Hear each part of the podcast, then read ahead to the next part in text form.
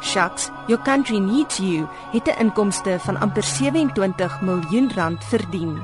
Mandela, Long Walk to Freedom, was op Schuster se hakke met 23 miljoen rand.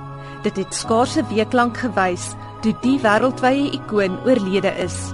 'n Dosent in filmkunde by die Universiteit van Kaapstad, Dr. Riani Maasdorp, sê albei hierdie flieks praat met 'n wye teikenmark Die Leon Schuster films speel altyd goed vir verskillende ouderdomsgroepe.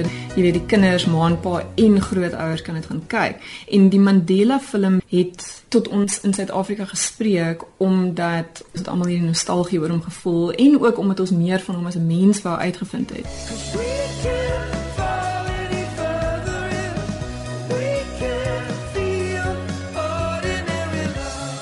Ordinary Love, die tema lied van Mandela, het in Januarie 'n Golden Globe gewen.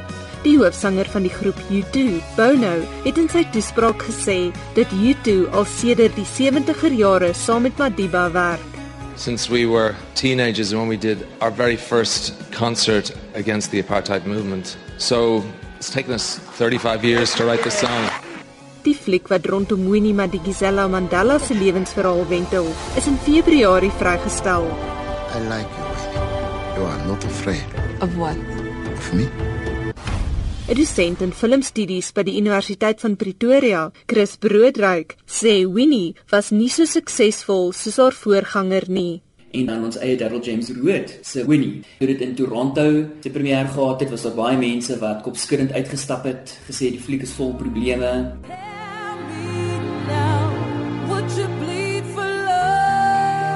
Winnie is reeds in 2011 in die VSA vrygestel, maar weens groot omstredenheid rondom die gebruik van Jennifer Hudson en Terrence Howard in die hoofrolle en Madikizela Mandela wat haarself van die rolprent gedistansieer het, is dit eers na die Mandela fliek plaaslik versprei.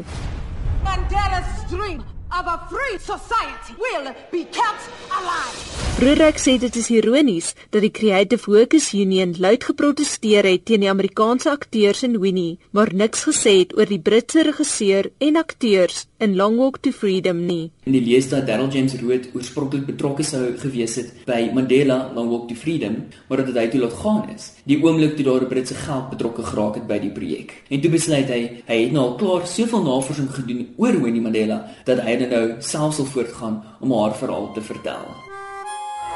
Vaan in sy trein. Wie is hy? Die rolprent van se trein is gebaseer op Pieter Fourie se bekroonde verhoogstuk uit die 70er jare. Broodryk sê hy het nie verwag dat die fliek so goed by die loket sou vaar nie. Na 5 weke op die kringloop het dit amper 7.2 miljoen rand gemaak. En daar is eintlik goeie redes daarvoor. Die een is baie goeie bemarking. Die ander is van se trein is Afrikaner. As jy Afrikaans is en dit Afrikaans groot geword en jy het 'n bietjie as ek nou in die meer tradisionele sin van die woord kan gebruik, kultuur in jou. Is jy bekend met Franse trein en Franse stasie? En dan vat jy nog een van die groot Suid-Afrikaanse filmlegendes agter die skerms Koos Roots, die Gemikaanse weer die regie van Robert Bartig en jy vat vir 'n ander vorm van volksbesit, Willie Esterhuizen, en jy sê maar hier is die rol van jou loopbaan. Jy is hier om Faan te speel. En kyk wat is die fliek wat jy het. 'n dosent in film by die Universiteit van Johannesburg, Phyllis Danhauser, sê sy kan sien Ruth het as kinematograaf onder die veteraan Jans Rautenbach gewerk. Daar was skote wat werklik magies was. Ehm um, wat die regie van die akteurs betref, het ek gevoel dit voel baie keer 'n bietjie asof daar 'n toneelstuk in die dorp afspeel. Broodryk sê daar was negatiewe kritiek ook maar duidelik het die publiek baie aanklank daarbey gevind en ek weet van 'n hele paar mense wat dit 'n tweede keer gekyk het selfs omdat hulle so diep geraak is deur die storie. Suid-Afrika se eerste fliek in Wenda, die regisseur Ntshaveni Waleruli, se Alalwani, het verskeie internasionale pryse gewen en was ons land se amptelike inskrywing vir die 2015 Oscars. Die fliek is slegs by 6 teaters vrygestel. Dog beskou Danhauser Alalwani as 'n mylpaal in die Suid-Afrikaanse rolprentbedryf omdat dit na die hart van die Wenda kultuur kyk. Dit is 'n voorstelling van 'n deel van ons kultuur wat ek dink vir self swart Suid-Afrikaners nie baie bekend is nie. En Valerie het vir my gesê dat Een van sy groot doelstellings as 'n filmmaker is om die Suid-Afrikaanse landskap en die Suid-Afrikaanse lig voor te stel op 'n manier sodat dit nie op enige ander plek in die wêreld kon plaasgevind het nie. Maastorp stem saam. Dit is nie 'n Hollywood film nie, dis nie 'n film wat geskoei is op die westerse model nie. Dis werklik 'n Afrika film. Dit is wat spesiaal is aan die film.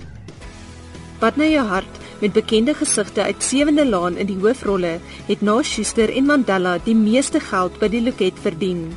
Dit het 10 weke lank gewys en meer as 11,5 miljoen rand gemaak.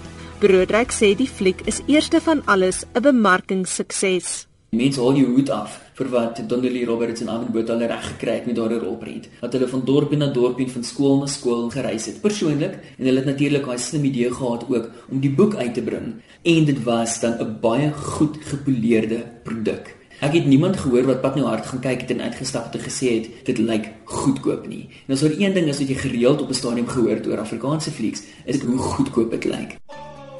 Dan Hauser sê al weet sy kommersiële flieks moet gemaak word om gehore te trek, is sy nou moeg vir Afrikaanse romantiese komedies. En sy sê dit voel of die akteurs, wat ook die skrywers en vervaardigers was, net voortgebou het op hulle reeds gevestigde verhouding in die sewende laan storielyn. Die karakters in Wat na my hart is die karakters in Sewende Laan. Dit is twee mooi jong mense, 'n mens sal sukkel om hulle te onderskei van mekaar.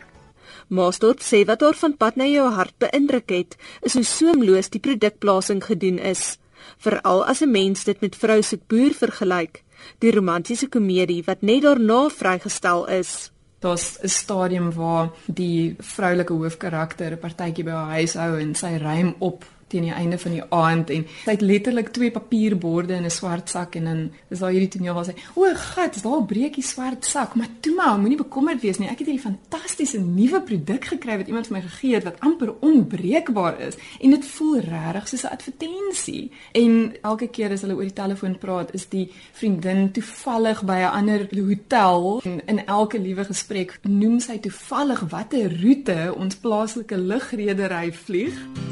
Dit lyk nie of dit gehore gepla het nie. Ten spyte van al die kritiek, het vrou se boer steeds amper 6 miljoen rand by die loket verdien.